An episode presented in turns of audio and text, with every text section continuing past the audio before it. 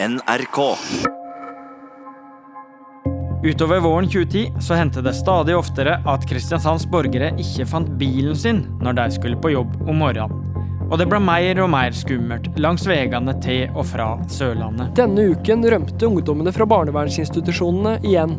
De ble stoppet av politiet i Vestfold etter å ha hatt en snittfart på 167 km i timen i beruset tilstand. Du kan jo gjette hvem den berusa tenåringen bak rattet var. Det var vill biljakt. Mange veisperringer kjørte opp på vollgravene ved siden av og prøvde å gjøre alt for å komme unna, men til slutt de sperra alt sånn med Falkenbil og lastebiler og sånn for å få stoppa meg. Glenn, Emil, Josef og resten av barnevernsbanden var ute natt etter natt og råna og drifta, cruisa og rusa seg, stjerte og rømte. Holy shit, ass! Barnevernsbanden. En serie fra P3 Dokumentar av Vebjørn S. Espeland. Fem-seks dager i uka var vi ute og, og kjørte, rett og slett. Og var nesten aldri hjemme hos oss. Men eh, da var det første gang jeg gjorde noe sånn der skikkelig alvorlig uten å brenne ned hus og sånt. da. Jeg har satt fyr på alle plassene jeg bodde i, egentlig. Og vi tok bil til og med i pausen på skolen, liksom, bare for å ha noe å gjøre. Vi sa jo alle sammen at vi må slutte når vi blir 15, for da kan vi havne i fengsel, men det, det gikk jo ikke. Denne episoden kommer til å handle om rømninger. Den 15. august i år så rømte Glenn fra fengselet. Det skjedde ved at eh, vedkommende da stjal en båt, en eh, åpen, eh, litt større jolle med påhengsmotor, som var låst fast på øya her. Og da tok det over til, til fastlandet i løpet av natten. Glenn har gode forutsetninger for å klare seg på flukt. For sjøl om han ikke har rømt fra fengsel før, så starta han allerede som 14-åring med å rømme fra barnevernet. Jeg tror vi hadde 17 politibiler bak oss til slutt. Hva tenker du når du kjører bilen da? Jeg tenker bare å få de kjørt fra politiet, rett og slett. Men eh, sånn som du ser, 167, den bilen går fortere.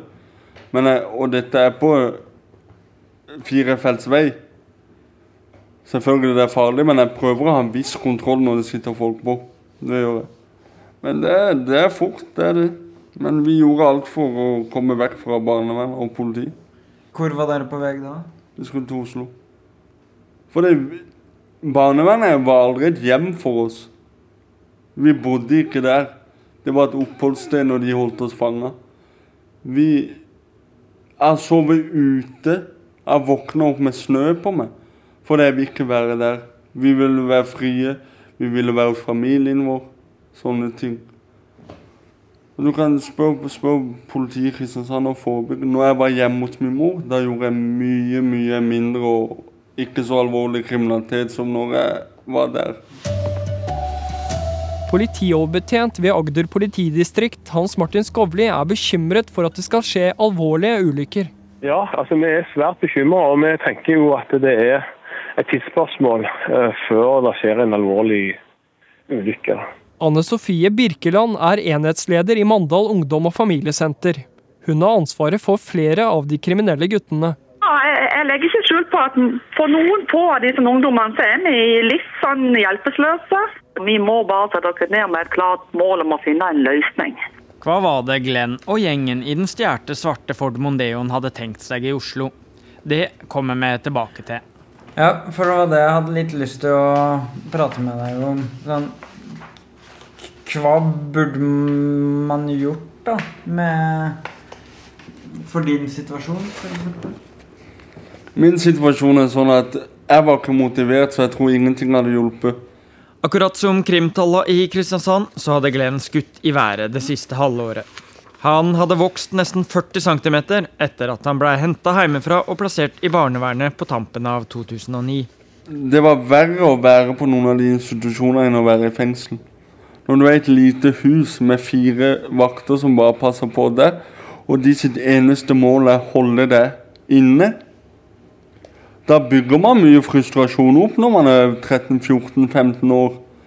Istedenfor å kanskje spørre hva trenger du, hva, hva kan vi gjøre for deg? I april 2010 så ble han satt på såkalt egnetiltak på en privat institusjon. I et vanlig, lite bostadhus med to til fire vakter som skulle passe på bare han. Sånn at ikke du kan gå ut i fire uker. Det er det de har lov til.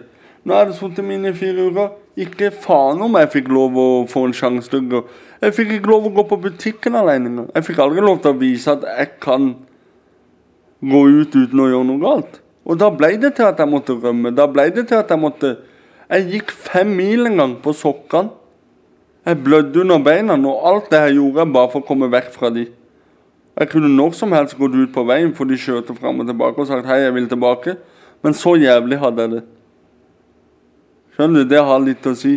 Det kom en jævla grevling etter meg på den veien, skjønner du. Jeg var aldri sett grevling før. Så det, det De spurte aldri hva jeg trengte, hva kan vi gjøre for det. Det var bare å holde meg vekke. Det er ikke lett å leve livet under barnevern. Røyker vekk tida og er stadig mer fjern. Politi i hverdagen, rutine med håndjern. Det er det jeg sier, det er livet under barnevern. Også Glenns gode kamerat Emil blei en kløpper på rømme etter mange måneder på akuttinstitusjonen Sankthansgården.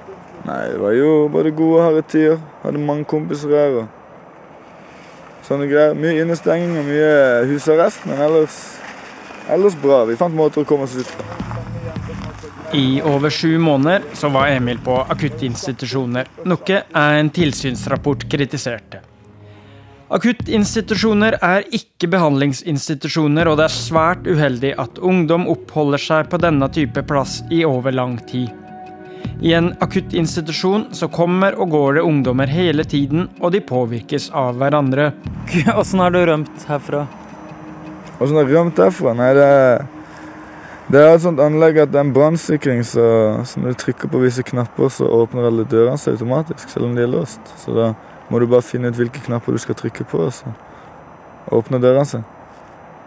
Og hvor løper du da? Jeg pleide å løpe inn her i skogen.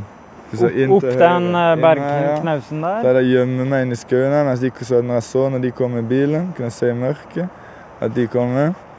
Og Noen ganger gikk de til fots for det går en sti bak her. Gikk Til fots for å lete etter dem med lommelykter, men jeg gjemte meg som regel. Gjennom eikeskogen Jeg tror de greide for de fant meg én gang. Jeg rømte i hvert fall ja, ti ganger. Gjemte meg, gjemte meg bak trærne på hovedveien her på E18, og så stakk dit jeg skulle. Så fort jeg var hovedveien, så var jeg trygg. På andre sida av den sterkt trafikkerte E18 så var det å flippe opp mobilen og ringe kompisene, som gjerne hadde rømt på samme tid. Deretter så var det tre mål som særlig sto på agendaen. Det var å skaffe penger, skaffe rus og skaffe bil. Sørlandsavisene skrev stadig oftere om rømninger fra barnevernet. Ungdom helt ned i 13-årsalderen rømmer fra barnevernsinstitusjoner og legger ut på livsfarlig ferd i stjålne biler. 346 rømninger fra barnevernsinstitusjoner i år. Mange av dem er ute hele natten. De er opptatt av å ruse seg eller å begå kriminalitet, sier Hans Martin Skovli ved forebyggende enhet i Agder-politiet. I april 2010 så sto det å lese i Fedrelandsvennen. I går fikk en 15 år gammel gutt notert kriminalsak nummer 100 på rullebladet. Natt til i går ble gutten tatt for biltyveri igjen. Storsamfunnet er hjelpeløse tilskuere. Politiet mener at det offentlige svikter i omsorgen for gutten. 15-åringen, det var Josef fra Akershus. Tjuvkobleren som var plassert på egnetiltak et stykke unna Kristiansand. De som jobba med meg, syns jeg var veldig greie og flinke. Jeg hadde ikke noe på de, liksom. Det var sikkert et par stykker som kom som vikarer i ny og ne, liksom. Men de faste jeg hadde, syns jeg var veldig greie. da. Jeg har snakka med en av deg som hadde som jobb å passe på Josef. Han ønsker å være anonym, men sier at jobben stort sett handla om å passe på at ungdommene satt inne og så på video, altså å passifisere deg. Men at de flykta så fort de fikk sjansen. Han sier også barnevernet har et problem. Det er mye oppbevaring og jævla mye penger i det. Jeg husker en periode når jeg tenker på det nå. Jeg gikk over seks måneder uten å få lov til å gå ut eller noen ting, liksom. Jeg fikk lov til å gå ut, men jeg måtte være med to miljøarbeidere hele tida. Fikk ikke gå aleine, måtte rett fra skolen og dit, da. Eller hjem igjen og kunne dra på bowling med de, kunne dra på, men ikke med venner, da. Og alltid, så det ble jo dritkjedelig etter hvert, da. Mens akuttinstitusjonene ble drevet av staten, så blir enetiltak helst drevet av private selskaper.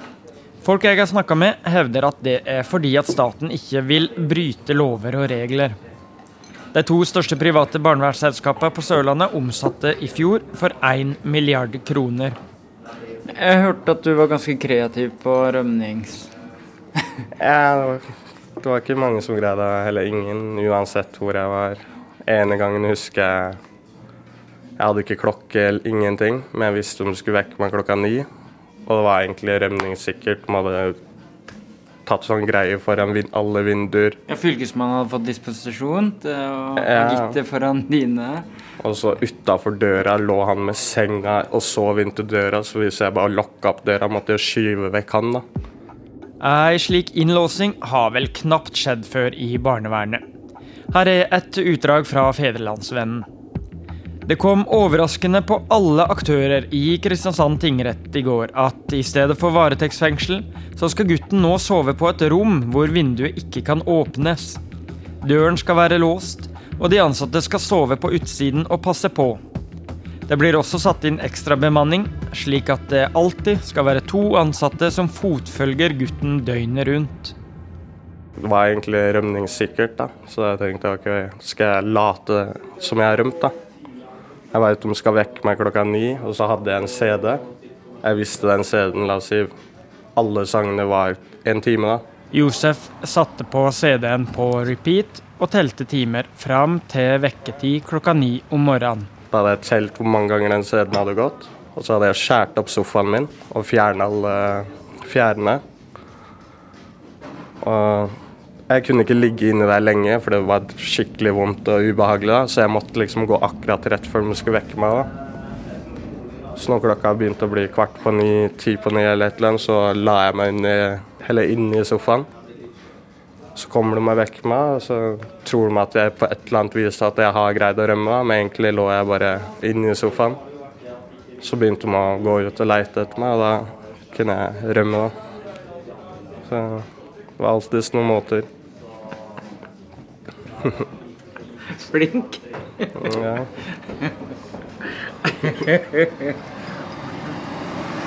En annen gang, da det var vinter og snø i Kristiansand, så hadde vaktene tatt skoene hans for at han ikke skulle rømme, uten at det stoppa Josef.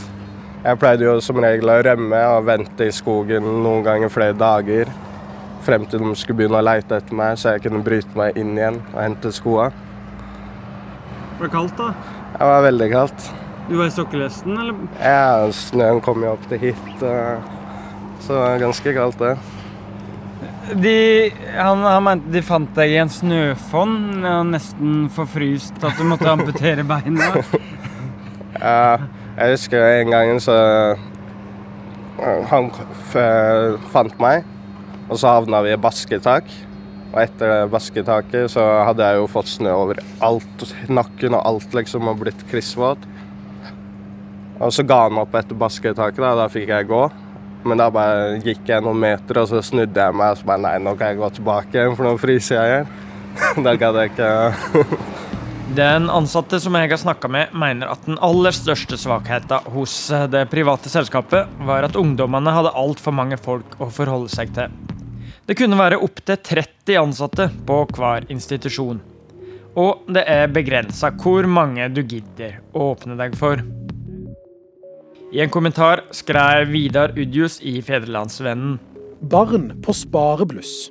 Når knappe budsjetter skal gjøres opp, prioriteres det akutte. På barnevernsområdet bør vi ikke ha råd til en slik tenking.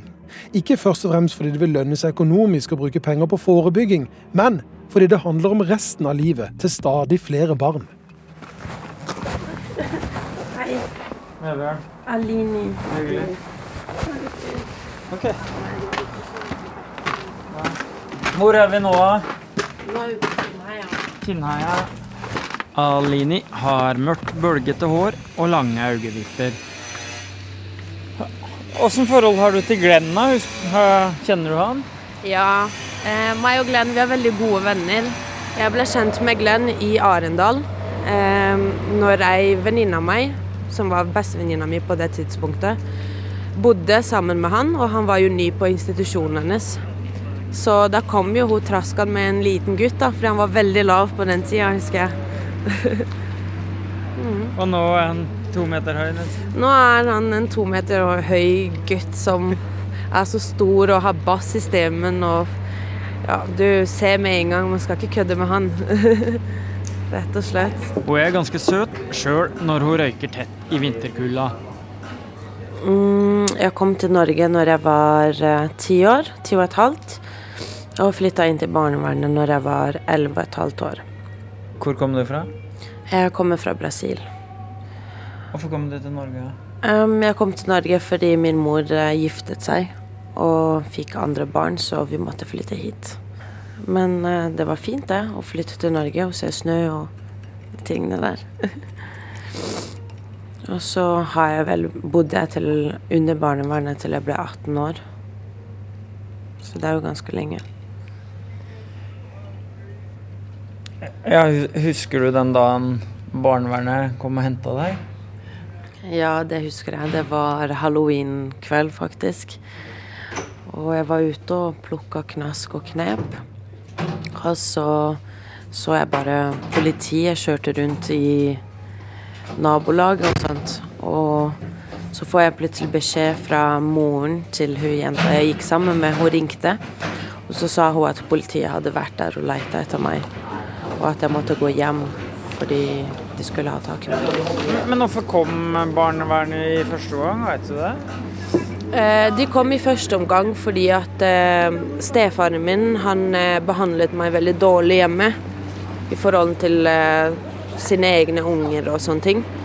Og etter hvert så så jo skolen at jeg kom på skolen uten mat og hadde kanskje av og til noen blåmerker. Og når jeg sa ifra til de, så tok ikke det så alvorlig, men etter hvert så ba de om barnevernet om å gripe inn, da, om å komme og ta kontakt og sjekke ut hva som foregikk hjemme. Og da valgte du på en måte å dra på Jeg valgte sjøl å dra. Etter halvannet år på ulike institusjoner så ville Alini hjem til mor. Men mora ble fratatt omsorgsretten. 13 år gamle Alini blei mer kranglete og begynte å rømme hyppig. Dermed blei hun, som andre trøblete ungdom, sendt til Sørlandet, mange hundre kilometer vekk fra familie og venner. Omtrent på samme tid og til samme privatselskap som forsøkte å passe på Josef. Jeg kom til Kristiansand når jeg var 14 eller 15 år. Det var da jeg ble flytta hit. Det var jo veldig rart, fordi det var lenger unna enn noen av de andre stedene jeg hadde bodd. For jeg har jo bodd i Oslo-området og plasser som ikke er så mye lenger unna enn sånn to-tre timer. Så da jeg ble flytta ned hit, var jo stor forskjell. Spesielt når man skulle stikke av, så merka jeg at det var mye lengre å reise.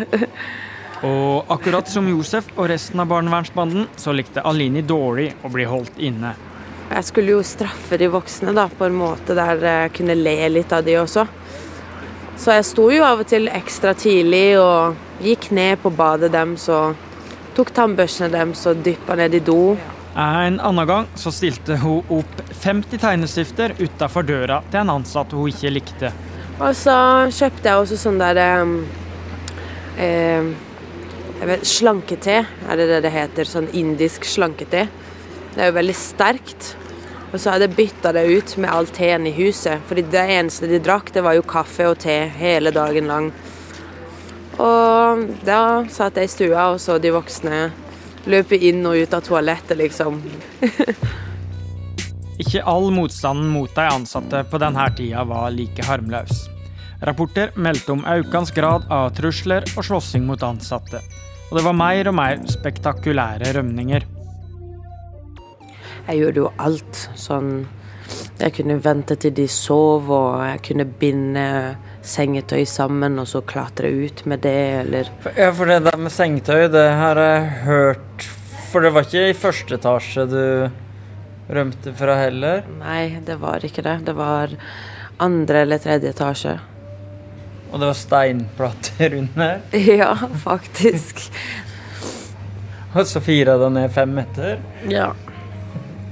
Jeg kunne jo holde min egen vekt, så heldigvis så datt jeg aldri, liksom. Men jeg ville jo kom, gjerne komme meg ut på E18 og bare fortsette videre. For det tok jo en halvtime bare å gå fra huset dit. Så jeg måtte jo kjappe meg. Og det er jo bare én vei, så hvis det kommer biler, sånn, så kommer de bare i én retning. Og da tror du jo hele tiden er det de, er det de eller ikke. Så må du løpe ut og inn av skogen og. Alini hadde også en annen utspekulert, om en mindre raffinert måte å rømme på. Ja, eller det har satt fyr på alle plassene jeg bodde i, egentlig. Såpass, ja. Fordi ja, mange av de er sånn at dørene er låst, og liksom hvis du knuser en brannalarm eller får en brannalarm til å gå, sånn, så låser jo dørene seg opp.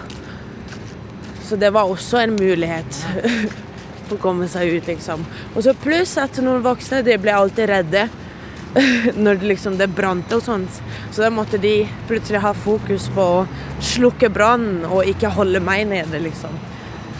Br- Brant husa ned noen ganger? Eh, nei, men eh, soverommet mitt brant ned en gang. Såpass, ja. Ja, jeg tok fyr på senga mi og sånt, så Et barn som har tent på alle husa hun har vært plassert i. Det er vanskelig å finne et tydeligere bilde på at noe ikke har fungert. Samtidig så fungerte det ganske bra økonomisk. Eh, året etter det her så hadde privatselskapet som skulle passe på henne, blitt såpass lønnsomt at de tre eierne solgte det til en britisk børsgigant for 137 millioner kroner.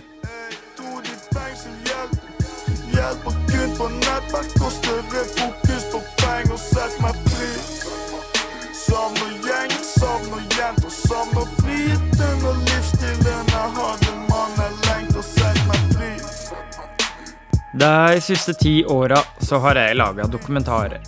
Og den aller største øyeåpneren, eller aha-opplevelsen, den fikk jeg da jeg laga en P3-dukke om Richard, som i mai 2010 rana en bingo på Furuset. Han hadde utover i barneskolen blitt skolens bråkmaker, og en fyr som eh, mange i klassa mislikte. Det de ikke visste, var at Richard på samme tid blei misbrukt av en tjukk mann i nabolaget. Ingen skjønte hvorfor han var så pøbel, og ingen spurte åssen han hadde det inni seg. Det er som regel noe som plager trøblete unger. De, fle de fleste på vår alder, de var redd for oss. Vi, ple vi pleide ikke å få lov å komme på fester og sånn. De visste da vi kom til å ta alt de eide og hadde, skjønner du. Men samfunnet rundt, de likte oss jo ikke. Men vi, vi levde livet, vi hadde godt med oss sjøl. Vi dreit i hva andre mente. Det ser man på hva vi gjør. Og vi ga blaffen i hva folk mente om oss. Vi levde vårt liv. Sånne ting. Vi hadde alltid freshe klær. Vi hadde alltid nye ting. Vi hadde alltid nye biler. Vi hadde alltid mye penger. Vi, de som var med oss, de, de skjønte hvorfor vi holdt på med det. Men de andre, de skjønte det ikke, og de likte oss ikke. Så det, det De spurte aldri hva jeg trengte, hva kan vi gjøre for det. Det var bare å holde meg vekke. Så det, jeg føler de må spørre meg hva kan vi gjøre for deg, hva trenger du? Hva vil du ha hjelp med? ikke sant? For de vet jo at det er et problem. Men det problemet ble ikke vekk av å være i et hus med fire vakter og aldri få lov å gjøre noe. Det gjør det ikke. Da bygger du bare opp mer frustrasjon og Ja, det er sånn min erfaring er i hvert fall. Jeg har aldri snakka med noen psykolog i barnevernet. Men jeg snakka med en psykolog i Bergen fengsel. Det er første gang, og det var greit å prate ut om tingene.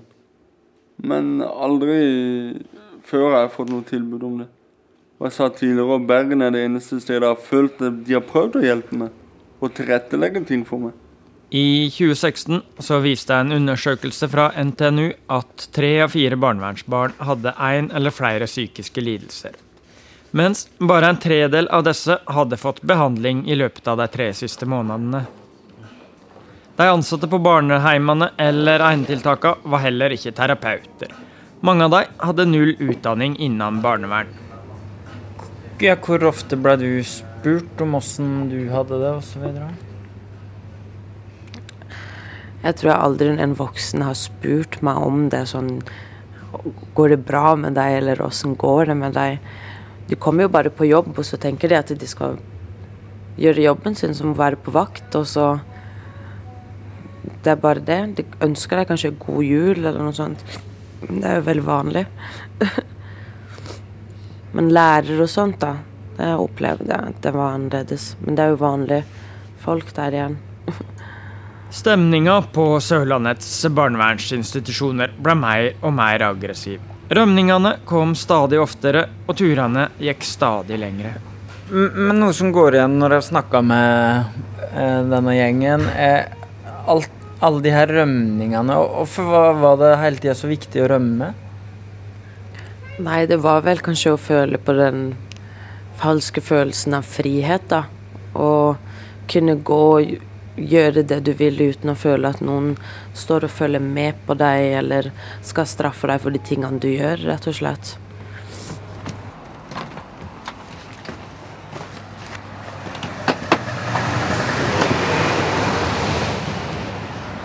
Jeg var jo alltid sånn solo-reiser, holdt jeg på å si. Du bare, kjørte egne greier. ja, jeg bare stakk av, og så bare endte jeg opp på forskjellige plasser, og så traff jeg de og fikk hjelp litt her og der. Ha- uh, Var du innom Sankthansgården? Nei, heldigvis ikke. Var aldri der, men uh, jeg pleide å komme og gjemme meg bak der.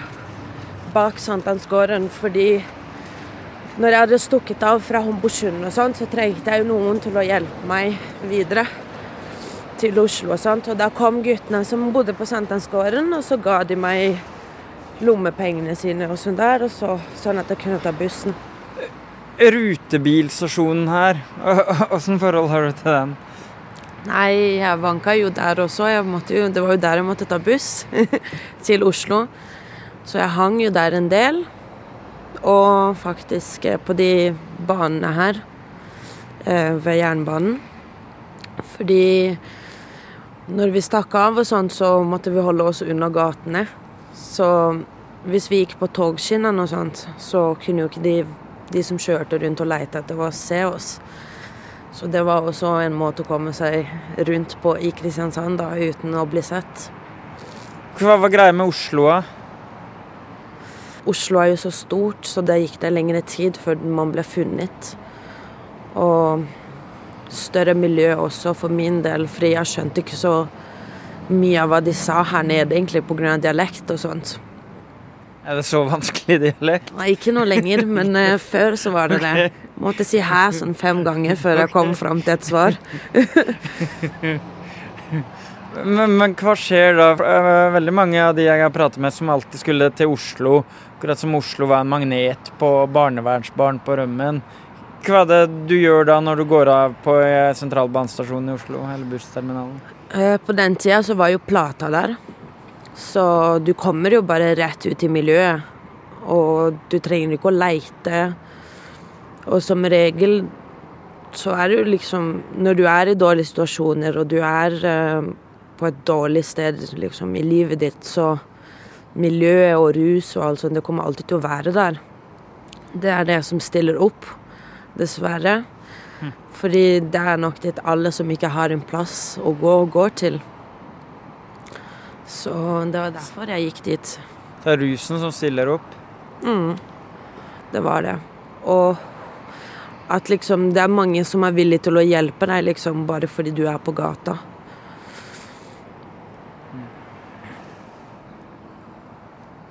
Og hvor bor du da, når du kommer til, ut av Oslo S og ned på Plata? Eh, nei, det var vel forskjellig. Jeg bodde jo bare rundt omkring hos folk.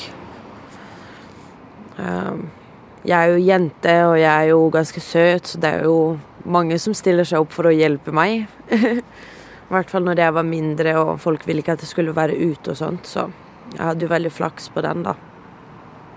Måtte du selge kroppen, da? Nei, så langt eh, gikk det ikke for seg. Um, jeg er veldig tøff og respekt for meg sjøl, liksom, så jeg følte ikke at jeg trengte å gjøre det. Men ruset, åssen rus var det snakk om? Det var alt fra A til Å. Jeg vil si at jeg har egentlig prøvd alt. Så Heroin, liksom? Det har jeg også prøvd, ja. Når jeg var liten. For da var det så lett å få tak i alt, liksom. Spesielt når ikke du har prøvd ting og skal prøve alt du kommer over, liksom. Fordi du vil teste alt. Så ja. Alini var ikke den eneste av barnevernsbarna som ville komme seg til Oslo. Denne uken rømte ungdommene fra barnevernsinstitusjonene igjen. De ble stoppet av politiet i Vestfold etter å ha hatt en snittfart på 167 km i timen i beruset tilstand. Det var mye politibiler på slutten bak meg. Og da vi stoppa. De river oss ut av bilen. De sier 'oi, det er jo bare barn der'. Bare barn. Så de, de var litt overraska over hvor unge vi var. Glenn var sammen med Emil og et par andre kompiser. De hadde som vanlig bunkra opp med hasj og musikk som Method Man og Redman før de la av gårde i en stjålet bil. Helt ærlig, jeg kan huske hvor vi stjal den. Det var på Sørlandssenteret. Vi hadde ikke noe veldig plan. Vi fikk tak i den bilen, nøkler på baklager, fant bilen. Vi ble enige, kom, vi drar til Oslo. Vi går til Oslo og tjener penger. Så det var egentlig planen. bare vi, vi hadde nok hasj, vi hadde bra musikk. Vi kjører til Oslo. Hva, hva gjør dere da når dere kommer inn i byen? Nei, det er jo å finne ut Skaffe penger. Gå på senteret, ta baklager, ta safer, ta kasser. Og det var alltid lettere i Oslo. For Kristiansand var brukt opp. Vi hadde tatt alt vi kunne der. De hadde fått hengelås på alt, skjønner du. Det var ikke mulig lenger. Oslo stort, vet du. Alt rundt Oslo, mye småsteder og sånn. Det er perfekt for den type ting. Og når du har fått penger, hva gjør dere da? Da vi kjøper alkohol, vi kjøper hasj, ting og tang, og koser oss før vi går på jobb igjen neste morgen. Dette er en fulltidsjobb. Dette var en jobb. Vi ble slitne. Speed, cola, ecstasy? Speed Nei, ikke mye speed. Det har aldri vært noen ting for oss. Cola, ecstasy. Cola, ecstasy Alt, egentlig. Alt. Unntatt heroin og amfetamin og sånt. Det er ikke bra. Og så ute og klubbe òg, da, eller? Vi var jo ikke gamle nok. Vi kom jo ikke inn noen, vi kom ikke inn noen steder. Vi festa på vår måte. Satt og drakk, røykte, hørte musikk. Sånn. Men hvor da? Dere hadde jo ikke leiligheter. Man, hotell. Vi kjørte rundt i bilen. Vi satte oss i parker. Sånne forskjellige ting. Best om sommeren. Best om sommeren. Fy faen. Den farlige biljakta bekymra mange i Kristiansand, og ulike etater begynte endelig å snakke sammen. Men de hadde knapt sett starten, for nå fant barnevernsbarna fram våpna. Første våpenet du så, eller hadde? Det var vel da jeg var 14. Jeg kjøpte et våpen av en annen. Så det var en Glock 17. Glock 17. Åssen kjøper man pistol som 14-åring? Nei, Det er bare å være i Kristiansand, så skal du få tak i det meste. Det er ikke noe problem. Det er ikke det. Det er nok av våpen her. I neste episode så handler det om tidenes kanskje største ransbølge i Norges historie. Så sa jeg mm, da kan vi like godt ta banken, da.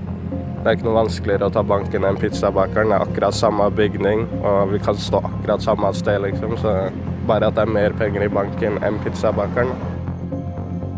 Han løper inn. Han bruker veldig lang tid. Veldig lang tid midt på natta. Så da løper jeg inn for å se hva som skjer. Og da Han var litt gal, han som gjorde det her. Han er ikke helt stabil. Så han begynte å kjøre kniven mot henne sånn.